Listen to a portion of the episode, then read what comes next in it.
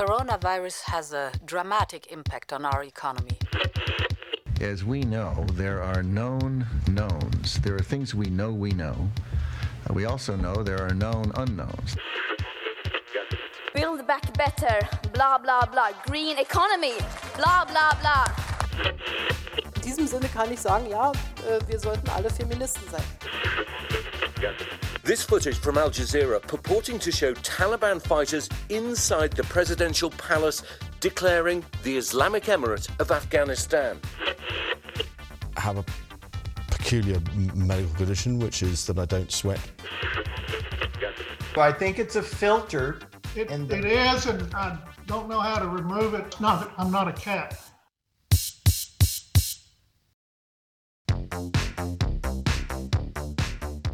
Þú ert að hlusta á heimskviður Í heimskviðum er fjallað um það sem gerist ekki á Íslandi. Ég heiti Birta Bjöstóttir. og ég heiti Guðmundur Björn Þorbjörnsson.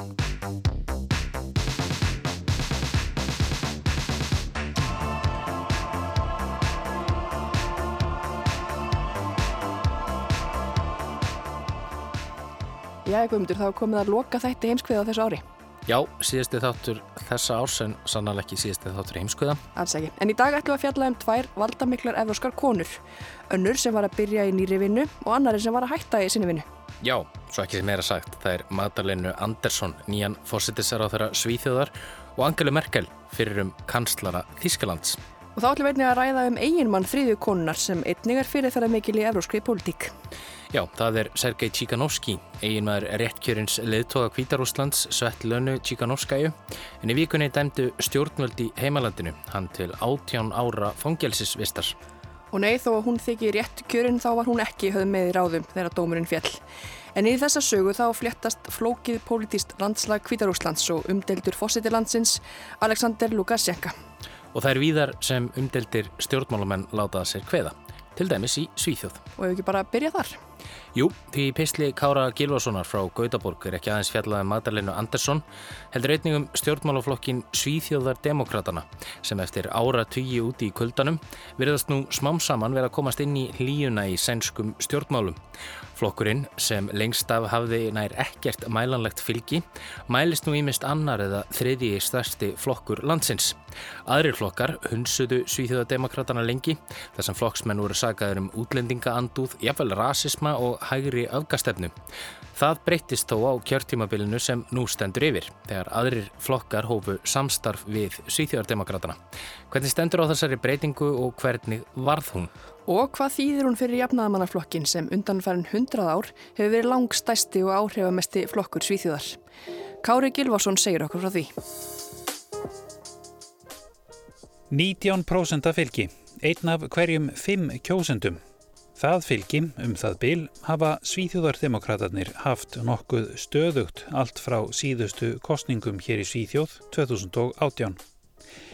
Fyrir þann tíma var flokkurinn lengi vel hálgert jaðarfyrirbæri, flokkur öfgamanna með rætur í hreyfingu nínasista, flokkur sem aðrir sænskir stjórnmálaflokkar sniðgengu.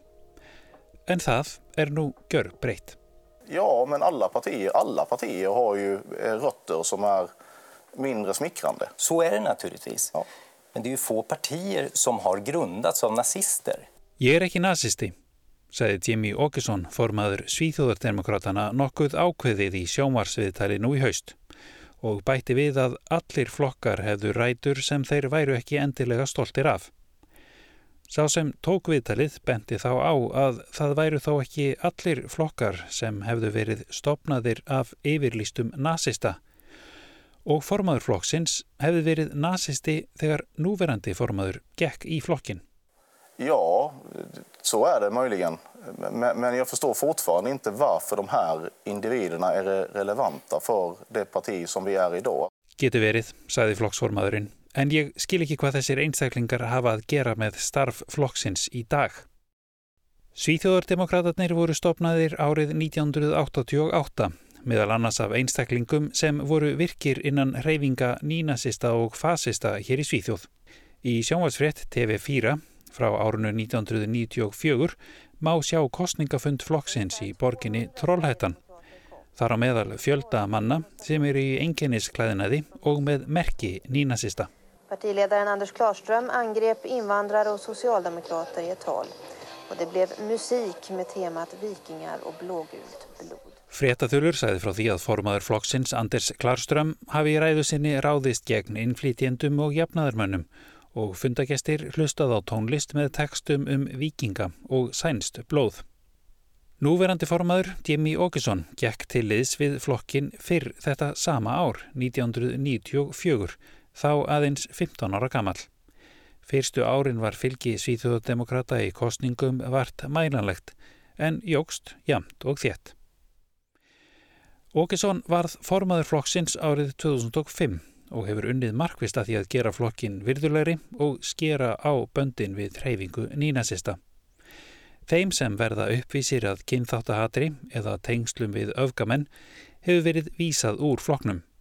Slík mál hafa reyndar komið upp reglulega og gera enn til dæmis upptökur af flokksmönnum þar sem þeir tala með niðrandi hættu um blökkumenn, araba eða gýðinga. Og í hvert skipti þurfa fórustumenn flokksins ennáni að svara því hvort flokkurinn sé í raun fullur af fólki sem sé holdt undir hugmyndafræði nazista. Svíþjóðardemokrater fengu tæp 3% í þingkostingunum árið 2006 og tæp 6% 2010 þegar flokkurinn fekk í fyrsta sinn þingmenn á sænska þinginu. Fjórum árum setna jógst fylgið í nær 13% og 2018 varð flokkurinn sá þriðji stærsti með 17,5% og 62 þingmenn.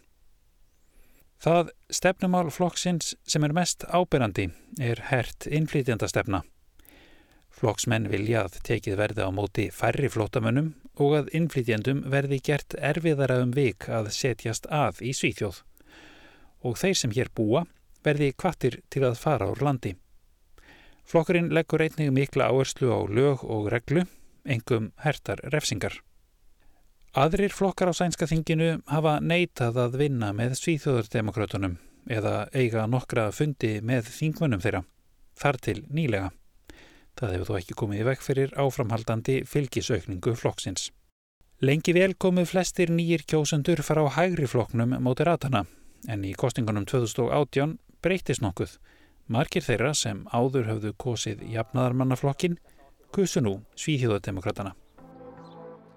De kallar sig den nya svenska folkrörelsen och de pratar om att återskapa folkhemmet och till och med om att de er de nya socialdemokraterna. Þeir kalla sig hérna nýju sænsku alþýðurhefingu og jafnvel að þeir séu hinnir nýju sósjaldemokrater, jafnaðarmenn segir í upphafi að fréttaskýringaþætti sænska ríkisjónvarpsins uppdrag granskning nú í haust. Þar kemur fram að meira en fjórði hver meðlimur í landsamtökum stjættafélaga, LU, stiður nú Svíþjóðardemokratana og stuðningur við jafnaðarmenn hafi minkað hratt á sama tíma. Árið 2019 voru Svíþjóðardemokratarnir sáflokkur sem naut mest stuðnings meðal meðlima LU. Í þættinum er rætt við fjölda meðlima í sænskum stjættarfélögum sem margir telja að jafnaðarmenn hafi svikið bæði landsbyðina og verkafólk. Eins og Peter Búmann, starfsmann í sögunarmillu, sem segist hafa unnið allt sitt líf, en svo þegar hann vektist og var lengi frá vinnu, hafa hann ekkert fengið frá sjúkratryggingunum í eina sjö mánuði. Man har ju alltid varit socialdemokrat ända tills man blev sjuk och fick smaka på systemet, så kan vi säga. Ég hef ju alltaf verið krati, segir Búmann, þángu til ég varð veikur og fekk að kynnast kerfinu. Búmann uppliði þetta sem svik, hætti í jafnaðmannarfloknum og gekk í svíþjóðardemokratana til að gera eitthvað, breyta kerfinu, svo það erði betra fyrir verkafólk eins og hann sjálfan. Það fer gott orð af sænska velferðarkerfinu og fólk er með ákveðnar væntingar. Víða kraumar þó óánægja undir og svo kenning nýtur vaksandi vinsælda að kerfið sem byggt var upp á 2000-öldinni virki ekki eins og því hafi verið ætlað og það sé út af spiltum stjórnmálamönnum og innflytjandum. Aukið fylgi svíþjóðardemokratana og mingandi fylgi jafnaðamanna hefur líka flægt málinn þegar kemur að því að mynda meiri hluta á sænska þinginu. Hér í Svíþjóð fóru jafnaðar menn einir með völd stóran hluta 20. aldarinnar.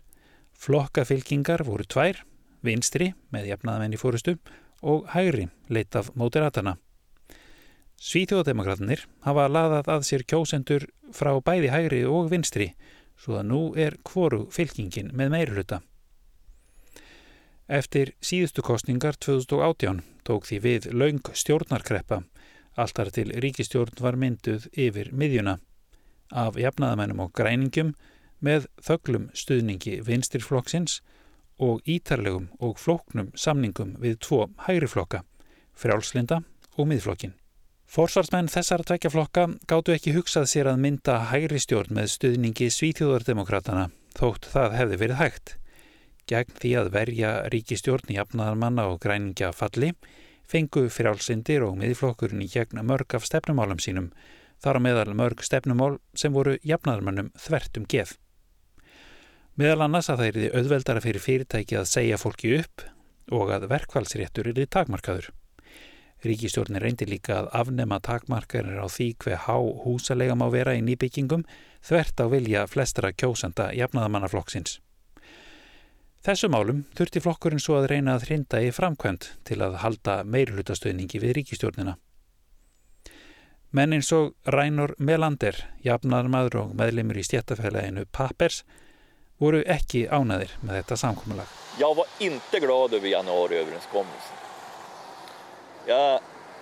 Melander sagði við samflokksmenn sína í jafnaðamannarflokknum hvernig í andskotunum á ég nú að geta farið til samstarfsmanna minna í verksmiðinni fyrir næstu kostningar og hvað þá til að kjósa sósjaldemokrata. Og ég fråga hann, í, ég sa faktisk här, hur i helvete ska jag kunna gå ut till mina arbetskamrater och säga nästa val att ni ska rösta på Socialdemokraterna?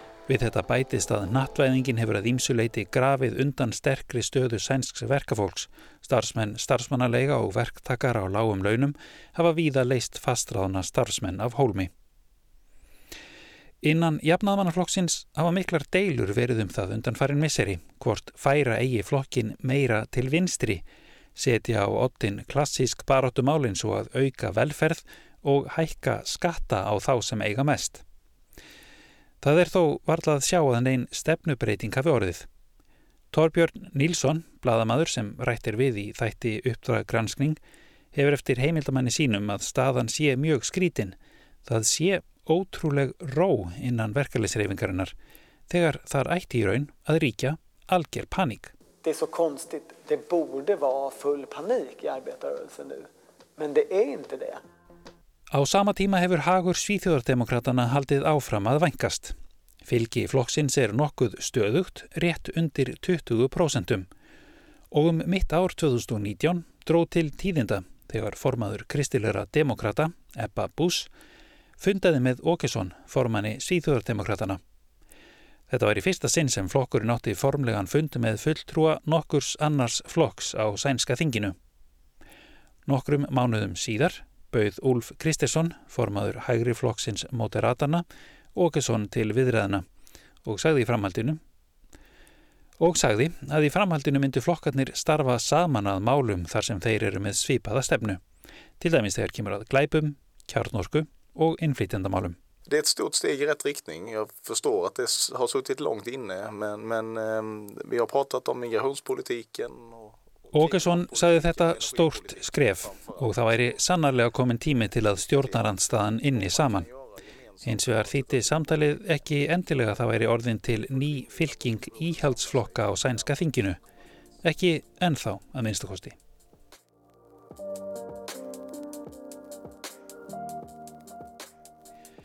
Forsvarsmenn Moderatana og Kristilegra Demokrata höfðu fyrir kostningarnar 2018 sagt að þeir myndu ekki mynda stjórn eða eiga viðræður um myndun stjórnar við svíþjóðardemokratana. En eftir næstu kostningar vilja flokkarnir nú mynda ríkistjórn með stöðningi svíþjóðardemokrata fáið þeir nægt fylgi. Og í haust lögðu flokkarnir þrýr fram sameigilegt fjárlaga frumvarp og kynntu það saman í sjómarsal. Frumvarpið var svo samþygt á sænska þinginu því þar er hægri meiruluti jáfnveg þótt ríkistjórnin sé minnilutastjórn jafnaðarmanna.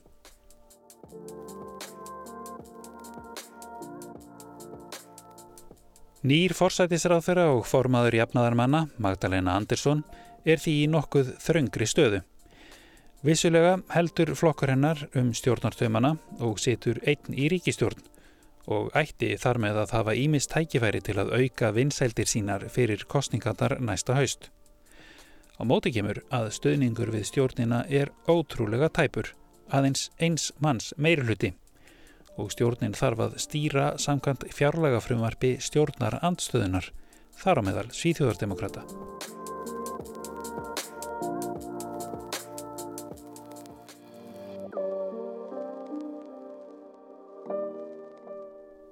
Andersson varð formaður jafnaðarmanna án þess að mæta mikilli samkefni og hún er nú forsætisra á þeirra landsins fram að kostningunum næsta haust að minnstakosti. Hún er einhvers konar andstæða forvera síns Stefans Löfvens að ímsu leiti. Hann er holdgerfingur jafnaðarmennskunar, sonur fátakrar konu, ættleitur og alin upp hjá verkafólki í norður Svíþjóð, spilaði ísokki og læriði málmsöðu, alþýðlegur mannasætir. Magdalena Andersson ólst hins vegar upp í einbílishúsakverfi í Uppsölum, dóttir mentaskólakennara og háskólalektors. Hún kefti í sundi, var afburðanemandi og namn svo hagfræði við þekta elituskóla, Handelshögskólan í Stokkólmi og Harvard í Bandaríjónum. Löfven er þektur fyrir að vera góður samningamadur sem fáum líkar ítla við. Andersson þykir sérlega hörð í hornað taka og í raun var það eitt af því sem hún var helst gaggrínt fyrir í aðdraðanda þess að hún var kjörinn formaður flokksins. En það er nú reyndar ekkert nýtt að konur sem ná langt séu gaggríndar fyrir að vera kvassar. Markir samstarfsmenn hennar og andstæðingar reyndar líka telja þetta þó engan löst, þvert á móti. Hún komi sér beintaðefninu, segi hvað henni finnst og sé óhrætt við að takast á við erfið mál. Maður veit hvað maður hefur hana hafði dagans nýheter eftir pólitískum andstæðingi. Hún þykir klár, fær og mjög góð í rökræðum. Får jag ställa några frågor? Är det någon som känner igen mig? Inte riktigt, jag är finansminister. Är det någon som vet vad finansminister är? Er einhver hér sem þekkir mig? Vitið hver ég er? spyr Andersson okkur ungmenni á götu úti í Stokkólmi í myndbandi á YouTube síðu Jafnaðamannarflokksins. Ekki? Ég er fjármálur á þeirra. Ska du börja statsvetenskap? Men då måste du ju veta vem jag är! Fan, det är inte... Og þú ættar að læra stjórnmálafræði, andskotin, blótar Andersson. Ekki sérlega diplomatisk kannski, en beinskitt. En hvað með pólitíkina? Er hún til hægri eða vinstri eða kannski bara fyrst og fremst einhvers konar embætismadur?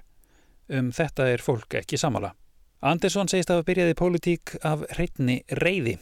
Hún hafi verið reyð vegna óréttlætisins í samfélaginu. Henni hafi sviðið að börn fengju ekki öll sömu tækifæri.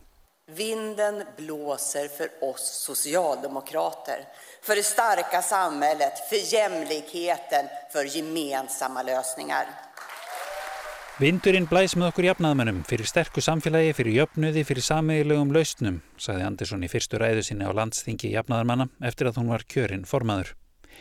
Sumir kallaði hana hægri krata, aðrir segja að hún sé örlítið til vinstri í floknum og benda á skýrslu um jöfnuð sem ríkistjórnin byrti í vor og skrifuð var af starfshóp undir fórustu fjármálaráþarans sem þá var Magdalena Andersson.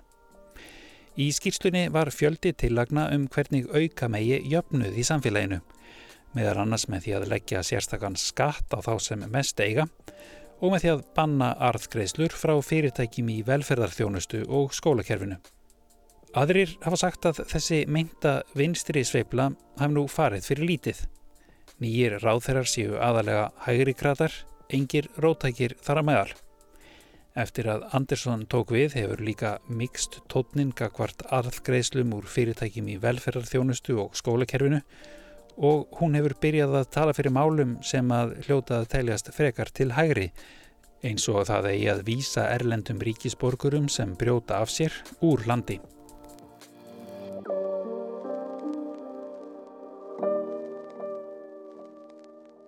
Stuðningur við flokk jafnaðamanna mælist nú nokkuð mikill, 29% og Andersson nýtur sjálf mikils trösts, langs mest trösts af leiðtögum sænskra stjórnmálaflokka. Nýjustu skoðanakannanir benda til þess að það verði afar mjótt á mununum milli flokkana sem styðja núverandi ríkistjórn annars vegar og svo hægri blokkar Moderatana, Kristilegra demokrata og Svíþjóðardemokrata.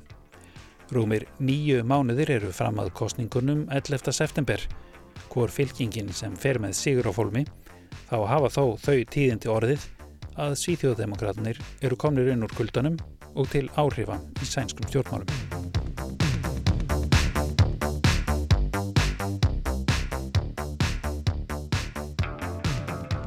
Og frá Svíþjóð á leið okkar til Þískalands tökum við stutta millilendingu í Kvítarúslandi.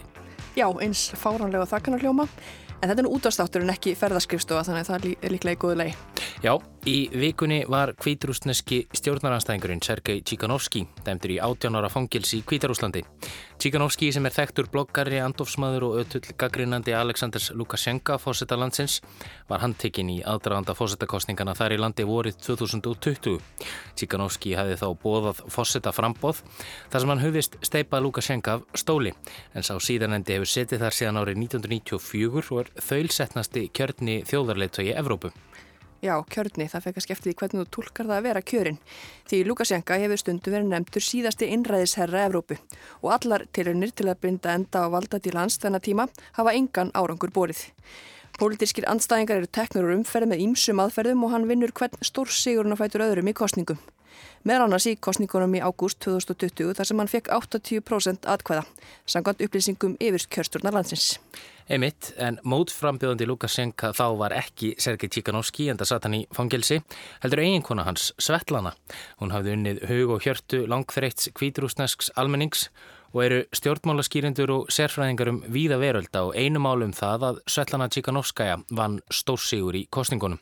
Evrópusambandsríkin, Bandaríkin og fleiri viðurkenna ekki ofinbæra niðurstöður kostningana og í kjölfar þeirra brutust út mikil mótmæli í landinu og um tíma leit út fyrir að dagar Lukashenka og fórsetastóli væru taldir.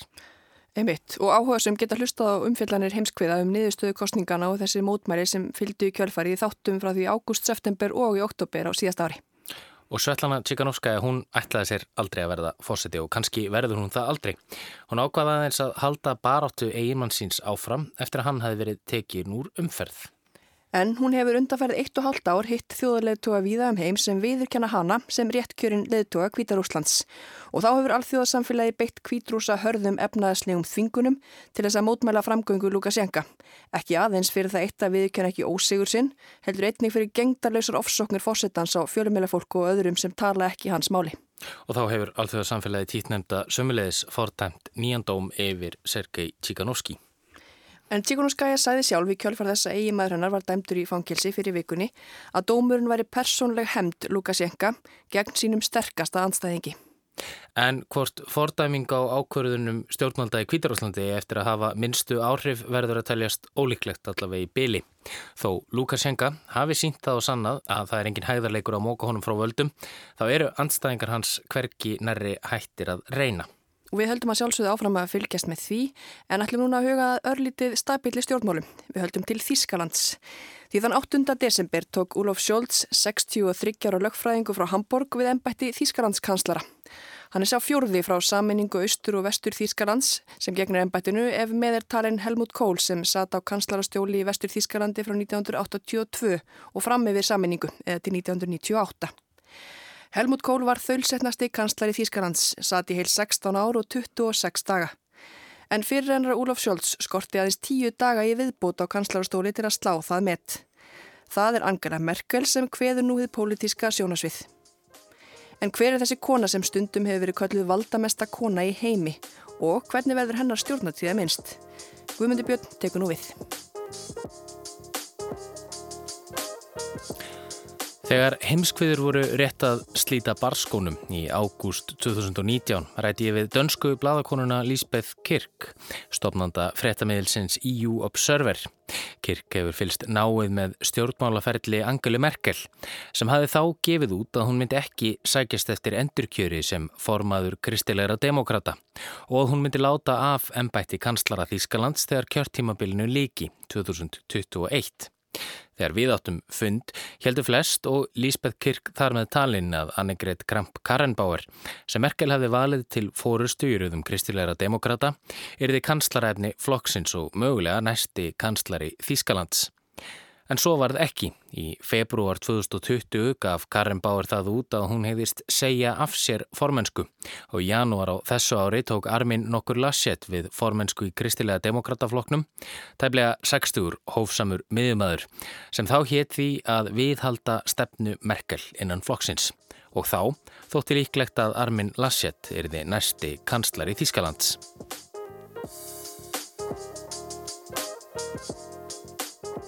En ef vika er langur tími í pólitík þá eru nýju mánuður það líka.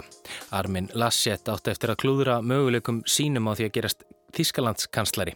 Í júlimánuði eru þau nokkur bæir í Rínarlandi ítla út í mannskeiðum flóðum sem dróðu 135 til dauða á svæðinu en alls létust 184 í flóðunum í Þískalandi. Á minningaratöfni bænum Erfstad náðist myndskeið af Laschet skellilhægandi og í góðu skapi. Þýskum var ekki skemmt og í kjölfarið hríðfjall fylgi kristilegra demokrata og kanslara embættið fór að renna honum úr greipum. Og það kom á daginn í kostningunum í haust þegar kristilegir demokrater byggði sinn versta kostninga ósigur í sögunni. Flokkurinn lög 24,1% atkvaða enguð síður, aðeins 2% minna en jafnarmenn sem voru sigurvegarar kostningana. Það er þó langur vegur frá niðurstöðum flokksins í kostningunum 2017 þegar kristilegir hlutu 32,9% atkvæða. Síðustu tvö kjörtífambil hafa jafnaðamenn og kristilegir demokrater myndað samsteipustjórn en sá tími er nú liðin og kristilegir demokrater í fyrsta sinni stjórnaranstöðu frá árinu 2005.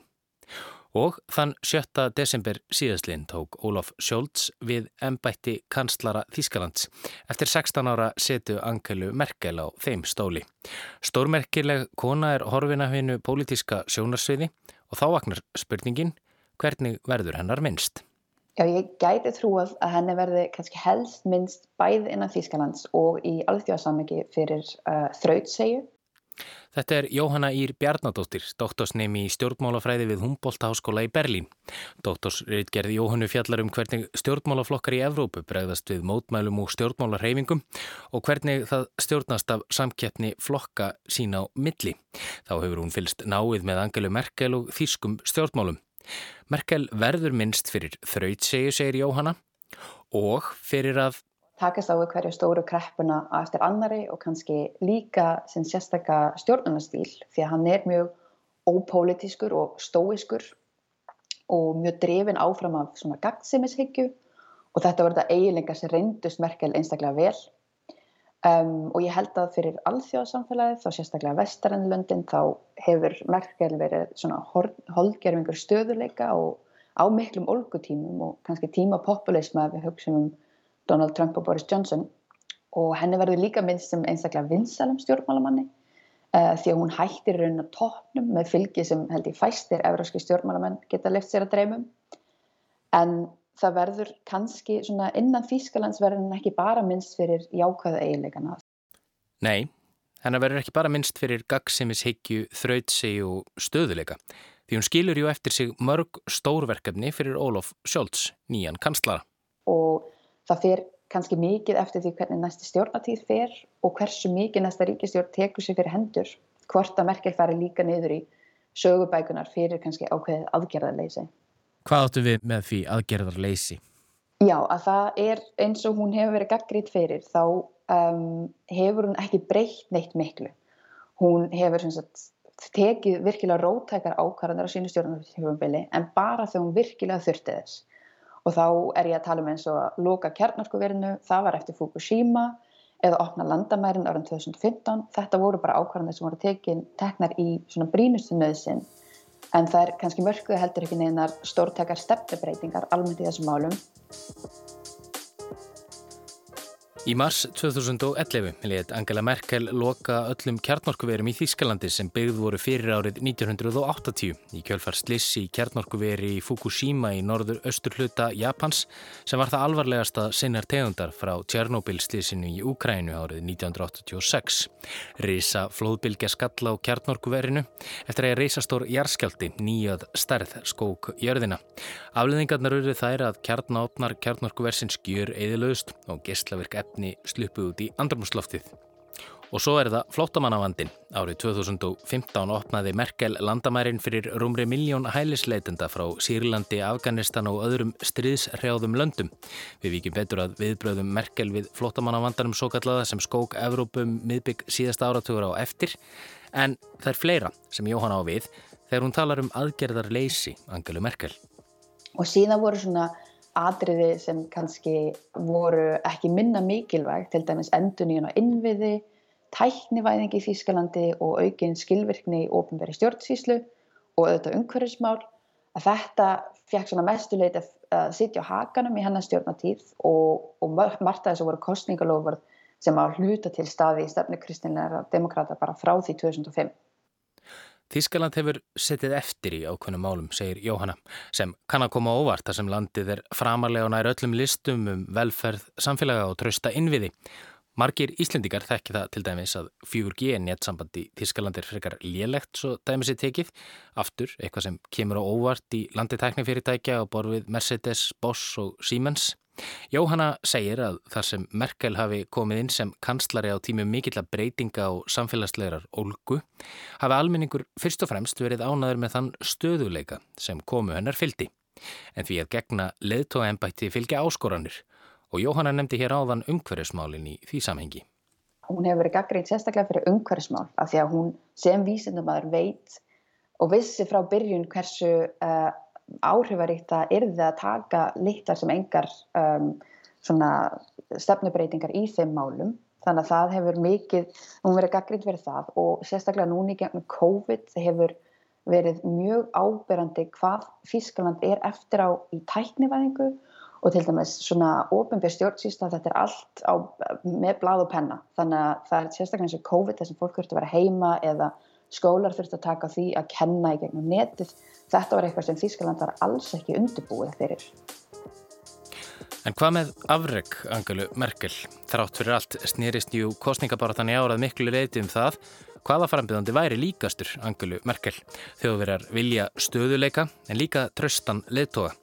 Jóhanna segir að Merkel hafi sínt einstakt stjórnmálegt haurekki í mörgum ákvörðunum sem hún hafi tekið. Til dæmis með því að loka kjarnorkuverunum og í því að opna landamærin fyrir flottamönnum og hælisleitendum. Þá var það í hennar stjórnartíð sem hjónabönd samkynneira voru gerð lögleg. Og þetta var eitthvað sem kristinlega demokrater höfðu staðið lengi í vegi fyrir og það var ekki fyrir árið 2017 uh, þegar Angela Merkel lýsir yfir, lýsir yfir svona fyrir eitthvað óvæntu stöðning uh, við því að máli var að teki fyrir á Þíska þinginu að þetta kemur í gegn. Og síðan má líka benda á innleggingu lámarslauna á Þískalandi eða stjórnatíð Merkel en þetta voru kannski ekki beint hennar verkefni þó að hún hafi spilað mjög mikilvæga röðlega þessu. Og, en það má uh, segja þetta hennar stjórnatíð hafi normalisera að hafa konu í kanslæra ennbættinu því að Merkel hafi kannski ekki lítið á þessi feminista fyrir en svona enda sinna stjórnatíð þá er auðvelt að ímynda sér það að 16 ári ennbætti einfaldi veginn fyrir fleiri konur í stjórnastöður í framtíðin í Þýskalandi. Ich sage ganz einfach, Deutschland ist ein starkes Land. Und die, das Motiv, in dem wir an diese Dinge herangehen, muss sein, muss sein, wir haben so vieles geschafft, wir schaffen das. Wir schaffen das und wo uns etwas im Wege steht, muss es überwunden werden. Frá því að borgarastriði Sýrlandi braust út í upphafi síðasta áratugar hafa miljónir sýrlendingar hakist á vergang og leitað að betra lífi annar staðar. Í nágrannaríkjum Sýrlands, Írak og einni í Afganistan er sömu sögu að segja af fólki sem flýr átök og vil hefja nýtt líf á nýjum stað. Árið 2015 náði flótamannakrísan svo kallaða í Evrópu hámarki er miljónir flótamanna frá miðausturlöndum stremdu yfir til ríkja Evrópusambandsins. Þá tóku Þísk stjórnvöld við yfir miljón flottamanna, samanborið við réttum 200.000 árið áður. Angela Merkel hafi verið í sumarfríi þegar umsóknir hælisleitenda hafðu markvaldast og kannski í góðu skapi og vel útkveild. Bauðum þá bara velkomna. Þískaland er stert land, við rettum þessu, við sjaffum das. Viðbröðin í Þískalandi við þessari ákvörðun voru blendin. Á meðan vinstrifangurinn og þau sem hölluðist til miðju fögnuðu ákvörðuninni ógs þjóðirnispopulistum fiskurum hrygg og stjórnmálaflokkar eins og AFD, Alternativ für Deutschland, unnu kostningasigur 2017 og flokkurinn varð sá þriðji stærsti í landinu og fekk 94 sæti á Þíska sambandstinginu. En það verður sent sagt að þessi ákvörðun hafi verið í takt við gildi og stefnur kristilegra demokrata í gegnum tíðina. Angela Merkel hefur oft, oft verið kallaður svona laumu sósjaldemokrati er að hún er auðvitað mjög mikið í miðjunni og, og sérstaklega þessi ákverðin um, að opna landamærin þetta er auðvitað kannski ekki beint svona í samræmi við gildi kristilega demokrata þannig að það er margir sem gaggirína svona eftir á, það er þetta auðvitað að gaggirína þetta eftir á, þetta var ég hún var virkilega lofuð fyrir þetta er mjög mannúðleg ákverðin um, á sínum tíma en hún er setni tíma kannski verið gaggrind fyrir það að hafa opnað þarna fyrir í rauninni leiðina fyrir hana AFD sem að því að það var í rauninni flokkurinn er komin svo mikið á miðju með þessara ákvörðinu líka. Þannig að það er alveg rætti sem maður heyri mikið uh, innan Þýskalands í dag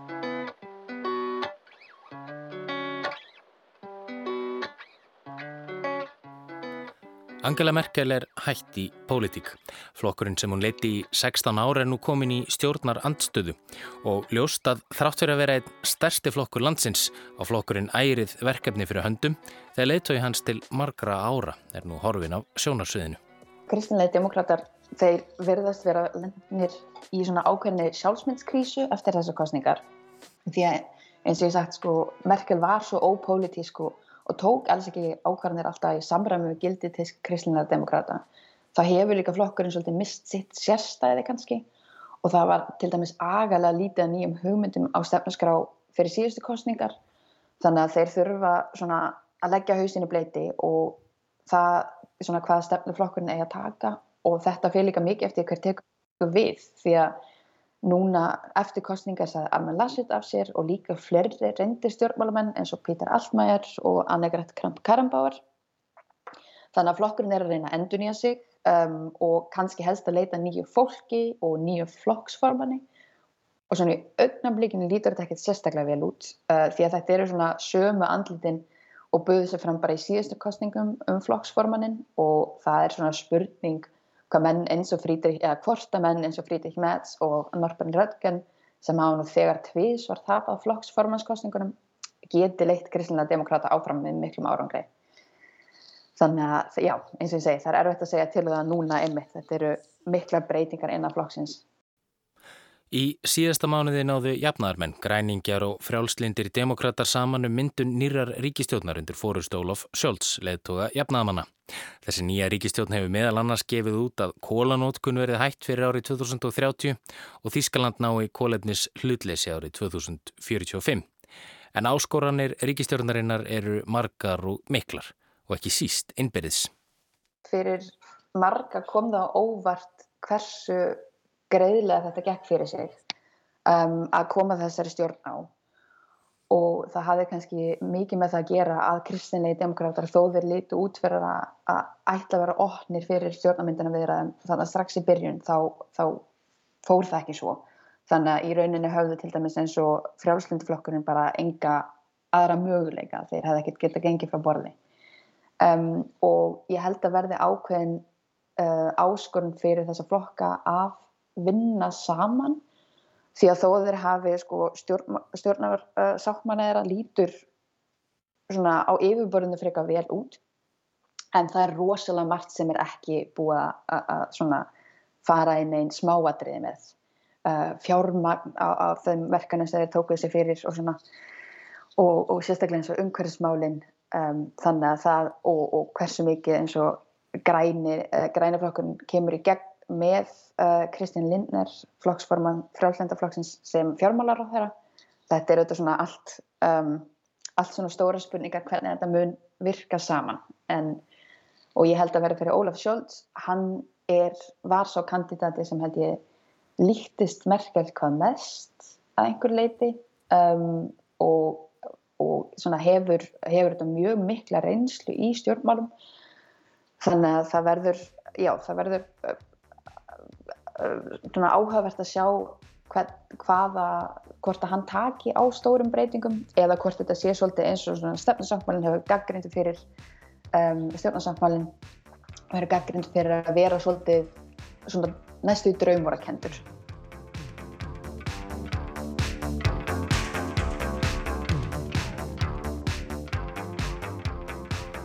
Þessi óður til angaru merkar verða að loka orðin í heimskviðum í dag og á þessu ári. Við heyrumst aftur á nýja ári. Takk fyrir að hlusta og verið sæl.